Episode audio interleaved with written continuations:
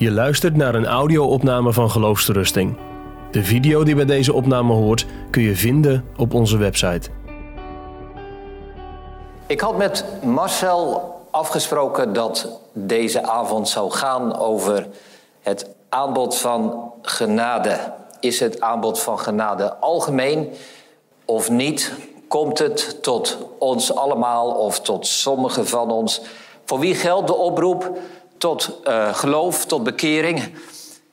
Dat zijn allemaal van die vragen die rondom dat thema van het aanbod van genade zitten. Mag je geloven? Moet je geloven? Wie heeft er recht om te geloven?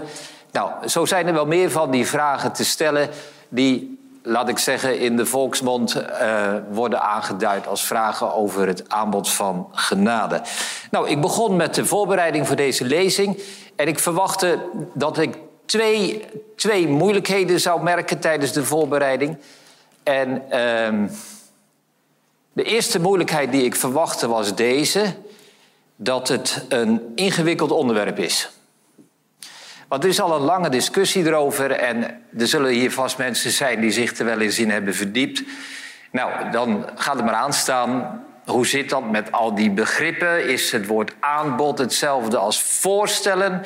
Is het aanbod voorwaardelijk of onvoorwaardelijk? Is het algemeen of niet? Is het welmenend?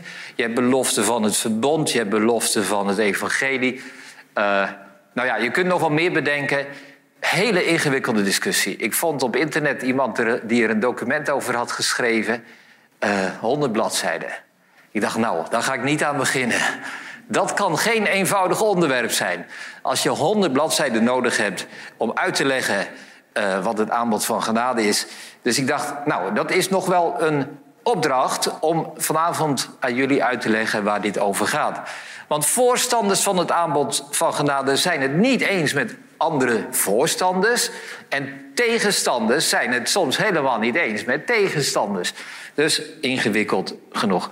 Ik voorzag nog een tweede moeilijkheid in de voorbereiding. Het is een gevoelig onderwerp. Een gevoelig onderwerp.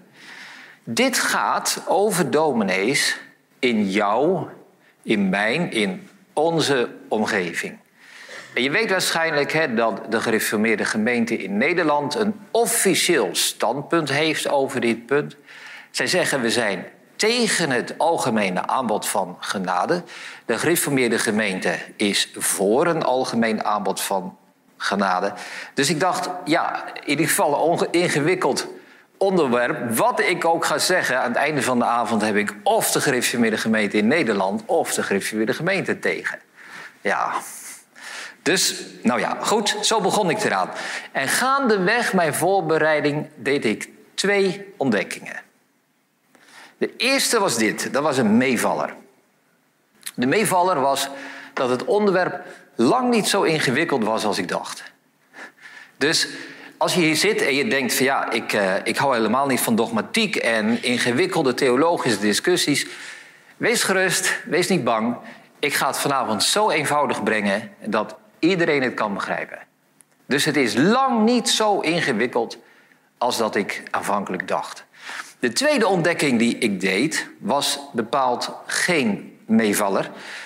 De tweede ontdekking die ik deed was dat het onderwerp en het probleem veel ernstiger is dan ik aanvankelijk dacht. Het beperkt zich niet tot één kerkverband of tot hier en daar iemand die, nou, laat ik zeggen, theologisch een wat afwijkende mening heeft. Dit gaat niet, wat ik vanavond ga zeggen, gaat niet over een of ander klein meningsverschil ergens in, de, in de breedte van de gereformeerde gezinte. Maar het gaat over een echt groot, wezenlijk probleem. Ik denk dat het nog wel eens gebeurt dat wij denken... nou kijk, hè, alle dominees zijn verschillend. Je hebt dominees die zijn heel ernstig. Die zijn tegen het aanbod van genade. Je hebt dominees die zijn wat gunnender. Die zijn voor. Dus hè, als mensen van mij zeggen van ja, dat is een gunnende dominee... dan bedoelen ze eigenlijk... Uh, hij is wel een beetje oppervlakkig, hij is niet zo ernstig. Maar hij gunt het wel, dat is toch een fijne man. Nou, als dat het probleem was, hè, als het alleen een zaak was van karakter of van gunning, dan viel het wel mee. Maar het echte probleem waar ik vanavond met jullie over ga spreken, is veel ernstiger. Het gaat over waarheid en leugen. Het gaat over het christelijke geloof en een levensgevaarlijke dwaling. Ik zou willen dat het anders was. Ik zeg dit vanavond niet omdat ik graag grote woorden gebruik. Maar ik weet dat het zo is en helaas, ik zal het jullie laten zien vanavond. In, laat ik zeggen, in onze gereformeerde gezinte is er een misleidende boodschap die heel veel mensen verlamt, vergiftigt. Nou, om jullie dat echte probleem te laten zien, begin ik eerst met waar we het over eens zijn. Voorstanders, tegenstanders. Laten we beginnen met waar zijn we het over eens. Ik ga vier punten noemen en in de rest van de lezing noem ik dat samen het evangelie. Het evangelie. Waar zijn we het over eens? Vier dingen. Allereerst de helsfeiten. Historische gebeurtenissen in deze menselijke geschiedenis die feitelijk hebben plaatsgevonden. Jezus is geboren, God is mens geworden.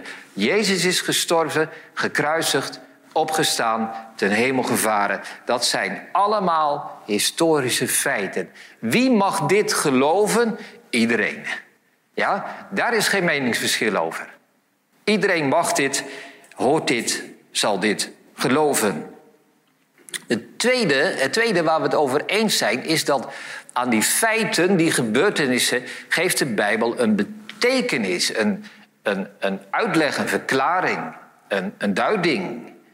Ja, dus dan staat er uh, in de Bijbel dat Jezus niet hè, uh, toevallig gestorven is in een, in een oproer of zo, of met een ongeluk, maar dat hij door de raad en voorkennis van God is overgeleverd om het lam van God te zijn dat de zonde van de wereld wegneemt. Dat is een duiding, dat is een betekenis die aan de dood van Christus wordt gegeven. Wie mag er van ons vanavond geloven in die betekenis, in die duiding van de helsfeiten? Allemaal. Het is net als bij Paulus, die voor vesten stond en hij zegt: Ik weet dat u het gelooft. En dat zeg ik vanavond ook. Ik weet dat jullie dit geloven. Dat het niet zomaar willekeurige feiten waren. Het derde punt waar we het over eens zijn, is dat wij een zaligmaker nodig hebben. Niemand van ons kan zichzelf redden. Wij moeten allemaal gered worden.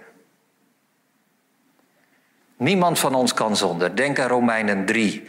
Opdat elke mond gestopt wordt en de hele wereld doemwaardig is voor God.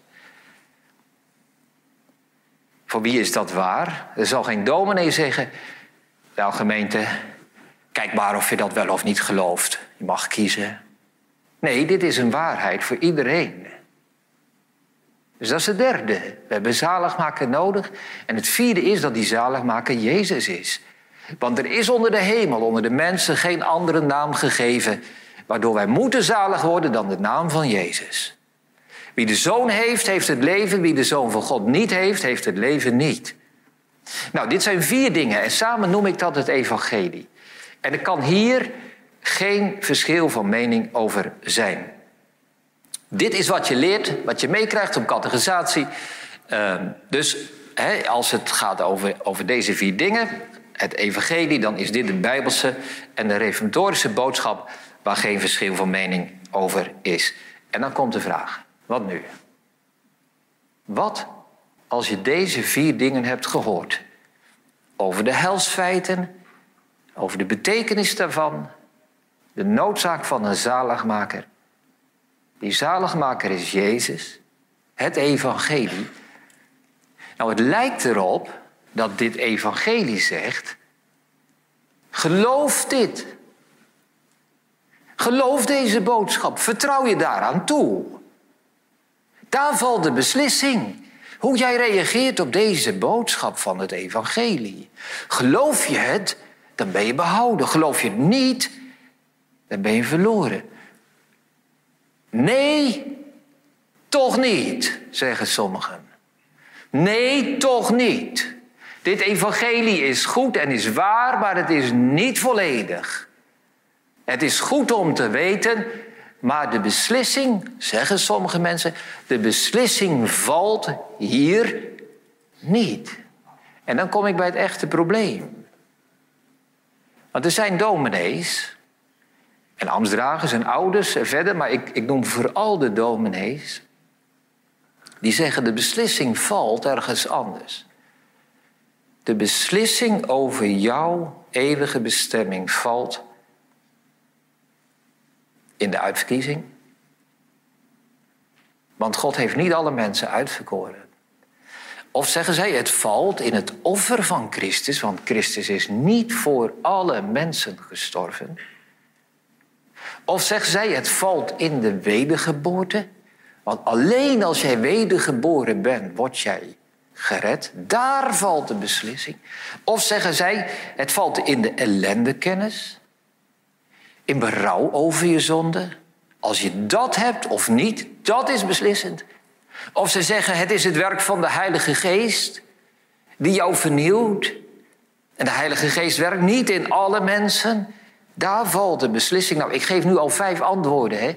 En ik kan er nog wel meer bedenken. Maar het gaat me niet om dat precieze aantal van vijf of vier of zes. Maar het gaat mij erom dat mensen zeggen dat evangelie is goed.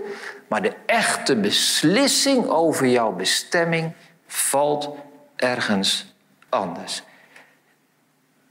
En dit is zo ernstig. Dit is niet een aanvulling op het evangelie.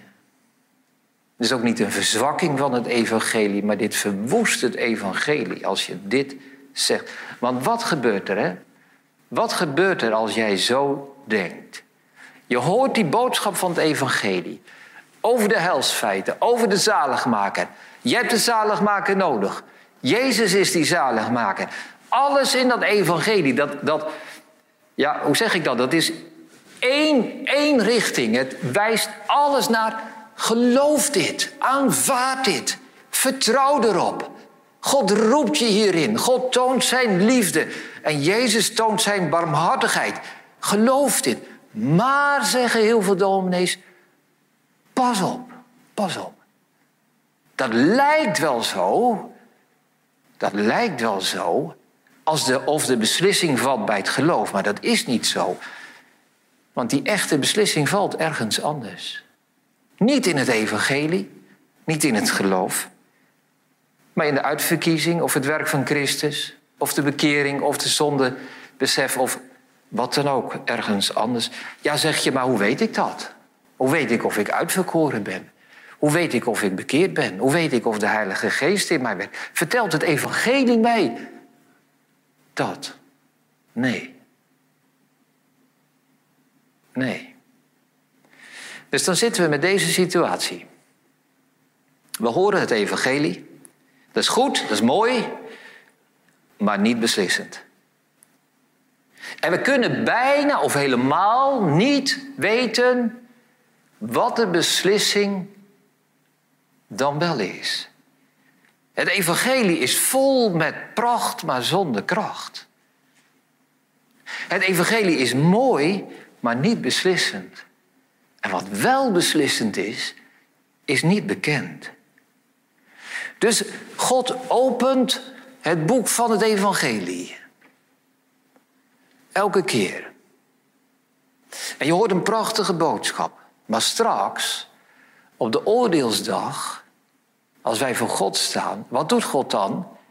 Dat is het beeld wat, wat te veel dominees geven.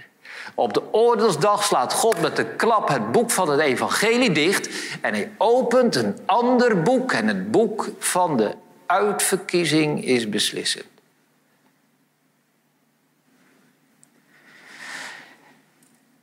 Daar valt de beslissing.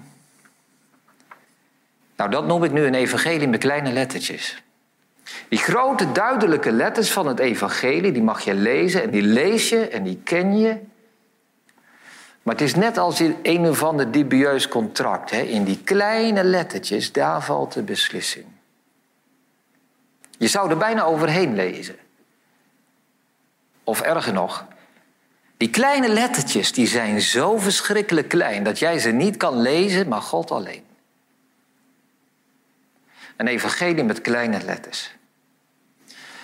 Wat ik net gezegd heb, hè, ga ik nog een keer vertellen. En dan vanuit een iets andere, andere invalshoek. Want ik wil dat jullie dit kennen, herkennen, onderkennen. Ik stel deze vraag. Wat is nu Gods bedoeling, intentie? Wat is het doel van God met het evangelie? Waarom laat God jou vanavond hier het evangelie horen? Je zegt, ja, ik ben hier gekomen, want het is hier gezellig. Ik wil die en die ontmoeten en wie weet zie ik die nog. Ja, maar toch, je bent hier. Want God wil dat jij het evangelie hoort. Waarom wil God dat? Wat is zijn intentie en bedoeling? Nou, het Bijbelse antwoord lijkt te zijn: God verlangt ernaar en hij wil dat jij gelooft. En God verlangt ernaar dat jij gered wordt. Want God zegt immers, de schrift zegt, God wil dat alle mensen zalig worden en tot kennis van de waarheid komen. 1 Timotheus 2 vers 4. 2 Petrus 3 vers 9. God wil niet dat enige verloren gaan, maar dat zij allen tot bekering komen. Al zo lief heeft God de wereld gehad. Dat hij zijn enige geboren zoon gegeven heeft. Opdat iedereen die in hem gelooft niet verloren gaat, maar eeuwig leven heeft. Johannes 3 vers 16. En het vers daarna zegt, God heeft zijn zoon niet in de wereld gezonden opdat hij de wereld veroordelen zou, maar opdat de wereld behouden zou worden. Ezekiel 33. God zegt, ik vind geen vreugde in de dood van de goddeloze, maar daarin dat de goddeloze zich bekeert en leeft. En Jezus zegt in Johannes 6, vers 37, wie ook maar tot mij komt, zal ik niet uitwerpen. En nu komt het. Nu komt het. Er zijn te veel dominees. En ik moet zelfs zeggen, er zijn veel dominees die zeggen: ja, ja, ho, wacht even. Dit is Gods bedoeling en intentie en verlangen voor de uitverkorenen.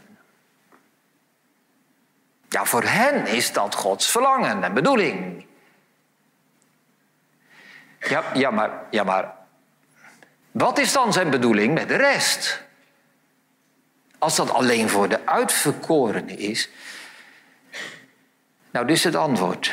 God laat verreweg de meeste mensen over Jezus horen, over redding en zaligheid, over verlossing, over het evangelie, met het doel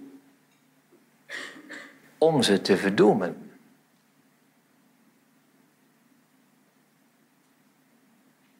Dat is Gods doel.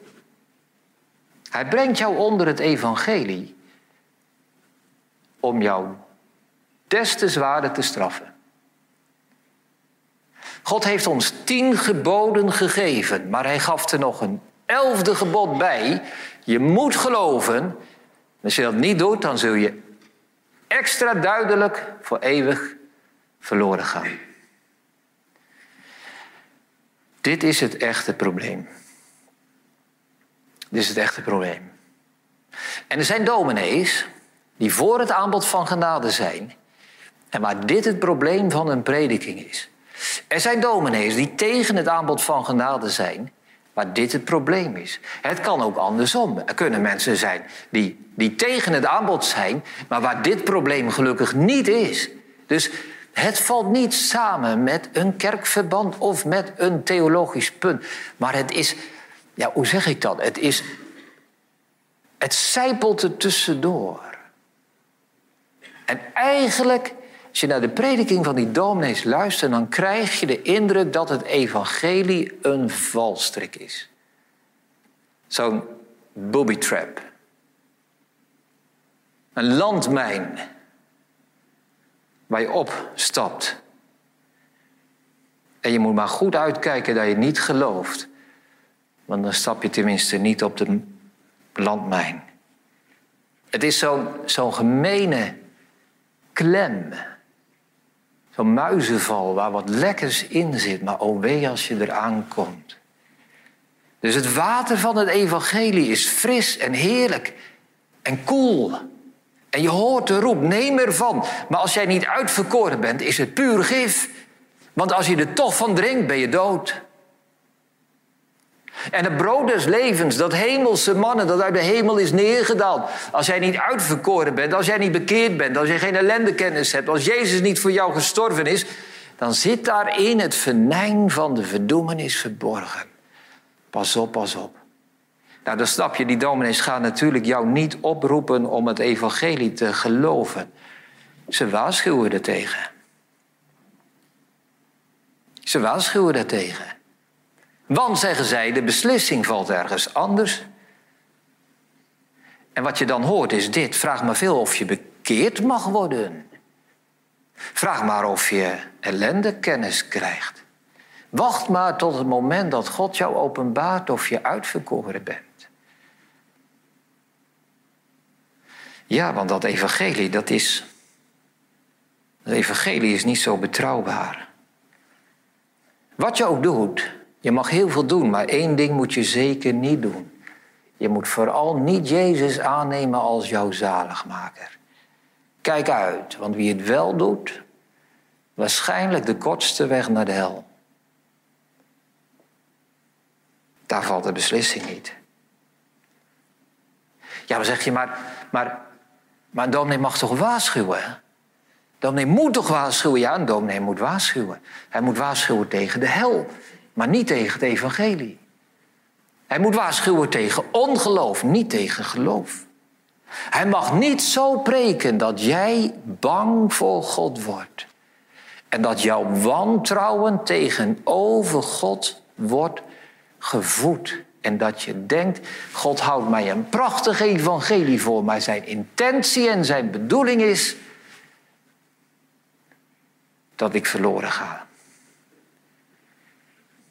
Kijk uit voor die gevaarlijke kleine lettertjes. Ik moet hier vanavond tegen waarschuwen. Het is niet omdat ik dat fijn vind. Want ik heb het niet vanavond over vrijzinnige en lichtzinnige en Arminiaanse dominees en zo, maar ik heb het over dominees uit de gereformeerde gezinten. In de gereformeerde gemeente, in de gereformeerde gemeente in Nederland, in de oud-gereformeerde gemeente, in de herstelde vormde kerk waar ik zelf bij hoor, in de christelijk gereformeerde kerk, in de PKN. Jezus zegt: wees op uw hoede voor de valse profeten. Ik moet jullie waarschuwen. En ik heb mij heel sterk voorgenomen om vanavond niet de indruk te geven dat ik af ga geven op concrete dominees, op die en op die, want dat wil ik niet. Het gaat mij vanavond helemaal niet over kerkverbanden en over dominees. Het gaat me om jou, het gaat me om jullie. En overal waar dit gebeurt, waar dit evangelie wordt ondermijnd, wees op je hoede. Ik heb geen moeite met de uitverkiezing. Integendeel. Ik beleid dat Christus voor sommigen en niet voor allen is gestorven. Ik weet dat het werk van de wedergeboorte noodzakelijk is.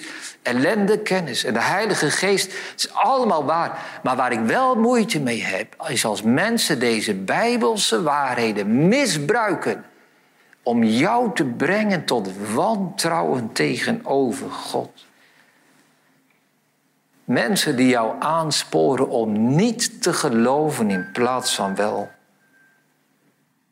Mensen die een evangelie brengen met kleine lettertjes die je niet kan lezen. En dan krijg je de indruk hè, dat het evangelie een soort, soort witwaspraktijk van God is. Met de fraaie buitenkant. Maar met hele andere bedoelingen. Een mooie boodschap. Bedoeld om jou in de hel te krijgen. Want ze zijn er. Zulke dominees. Zulke ambtsdragers, zulke ouders. Die net zo lang praten en net zo lang redeneren. En de Bijbelteksten net zo lang aan morrelen en schuiven.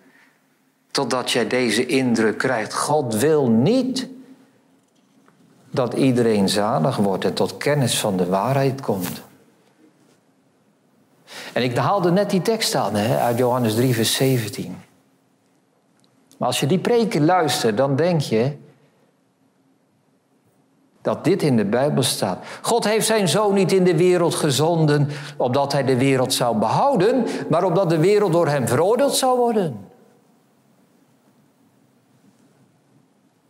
En ze leggen Jezus de woorden in de mond, Johannes 12, vers 47. Ik ben niet gekomen om de wereld zalig te maken, maar om de wereld te veroordelen. En al zo lief heeft God de wereld gehaat, dat hij zijn enige geboren zoon gegeven heeft. Opdat bijna iedereen die het evangelie hoort, niet behouden wordt, maar verloren gaat.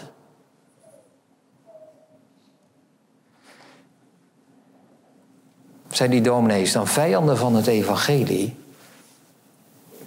Zijn ze zelf onbekeerd? Hebben ze zelf geen geloof?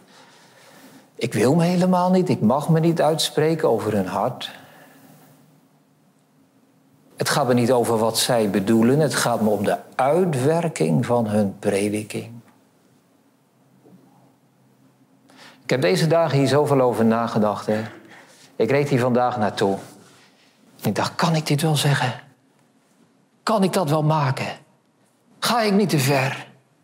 Moet ik het daar niet aanpassen? En ik dacht aan al die mensen die ik in de loop der jaren gesproken heb. En ik dacht, nee, het, het, het is waar. Het is waar. Er zijn zoveel mensen die vanuit een kerk en vanuit een prediking de gedachte meekrijgen dat Gods intenties niet goed zijn. En ik moet er nog wel bij zeggen. Stel je voor, hè. Stel je voor dat er een stel terroristen zijn. Ze zijn in opstand gekomen tegen de koning. En ze hebben zich ergens verschanst. En de koning stuurt een gezant naar hen toe. Een onderhandelaar om met die terroristen te praten. En hij doet aan hen een vredesaanbod. En hij zegt, ik zal jullie alles wat je gedaan hebt vergeven. Als je je wapens neerlegt, als je naar buiten komt, als je mijn vredesvoorstel aanvaardt. En waar gaat die onderhandelaar? Hij gaat naar die terroristen toe, hij treedt met hen in contact, hij praat met hen. En hij doet het voorstel van zijn koning, want hij is gezant. Hij is onderhandelaar.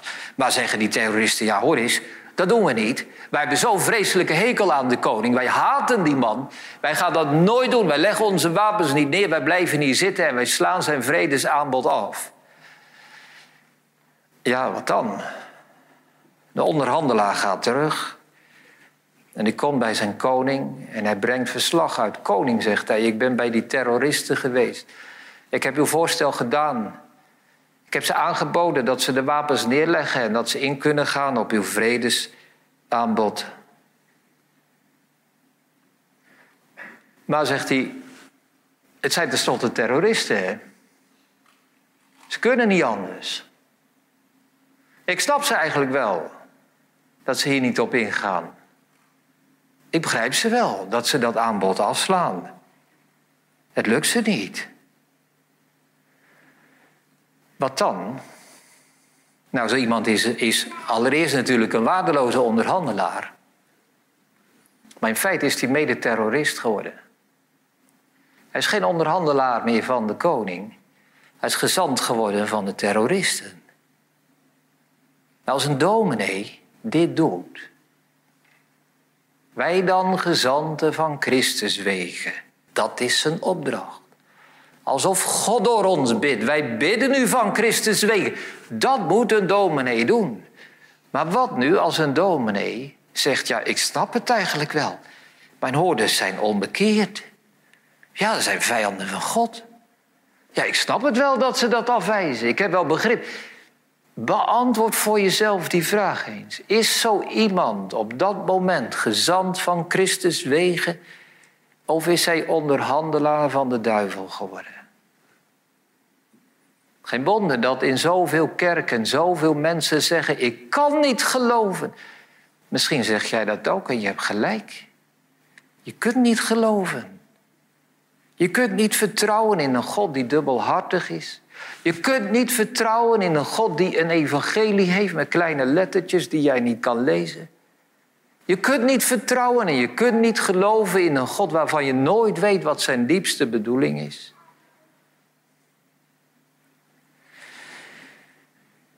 Nou zeg iemand, ja maar wat dan? Kijk, ik heb er ook over mezelf, voor mezelf over nagedacht. Ik zei het aan het begin, een beetje grappig, grappend. Ja, ik ben een gunnende dominee. Ik, ik ben helemaal niet zo'n gunnende dominee.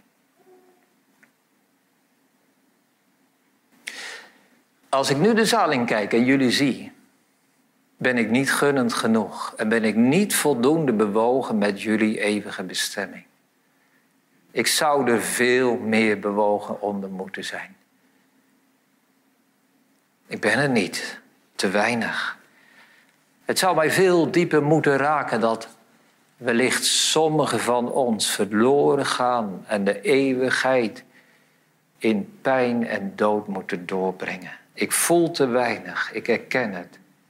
En toch sta ik hier vanavond, want dit gaat niet over dominees, dit gaat over God. En ik moet vanavond onderhandelen. Ik moet vanavond gezant van God zijn. En ik wil geen onderhandelaar van de duivel worden. Als ik vanavond het evangelie niet zou brengen, mijn zaligheid hangt ervan af. Hè? Want ik ben geroepen om God te dienen.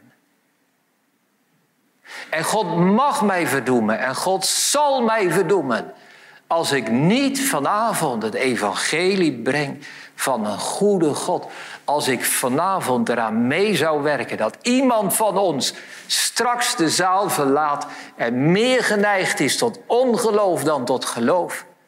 Als ik een beeld van God heb gegeven als iemand die, die je moet wantrouwen Wee mij, zegt Paulus, en ik zeg het ook, wee mij als ik het evangelie niet verkondig. En daar ga ik mee afronden. Ik heb vier punten genoemd, vier zaken van het evangelie. En daar ga ik nog een keer op terugkomen. Weet je nog, het eerste punt, de helsfeiten. Historische feiten, gebeurtenissen in onze wereld. Deze wereld. Hier is God mens geworden. In deze wereld heeft Jezus geleefd en is hij gestorven en opgestaan. In jouw wereld. Dit zijn historische feiten. En je mag en je kunt historische feiten niet ontkennen. In Nederland is het strafbaar. Hè? Als je de holocaust ontkent, je strafbaar. Als jij de historische feiten van Jezus, de zaligmaker, ontkent, je strafbaar. Toen Jozef koning werd, onderkoning van Egypte, had dat gevolgen voor het gedrag van de mensen, want er werd onmiddellijk geroepen: knielt. En als Jezus koning is van deze wereld en de dood heeft overwonnen, dan is dat maar niet een gewoon historisch feitje zoals zoveel, maar dan betekent dat vanavond knielt. En als je Psalm 2 leest, dan zie je dat ook. Hij is koning, wat woedende heidenen. Buig je voor hem neer, kus de zoon, opdat hij niet toornig wordt. Dat zijn de helsfeiten. En de betekenis daarvan geeft de schrift ons aan. Hij is gestorven voor onze zonden, in Korinthe 15. Romeinen 4, vers 25. Overgeleverd voor onze zonden. Opgewekt voor onze rechtvaardigmaking. Die betekenis gaat over ons. We hebben allemaal een zaligmaker nodig. Niemand van ons kan zichzelf redden. En de enige zaligmaker die er is, is Jezus. Alles wijst in één richting.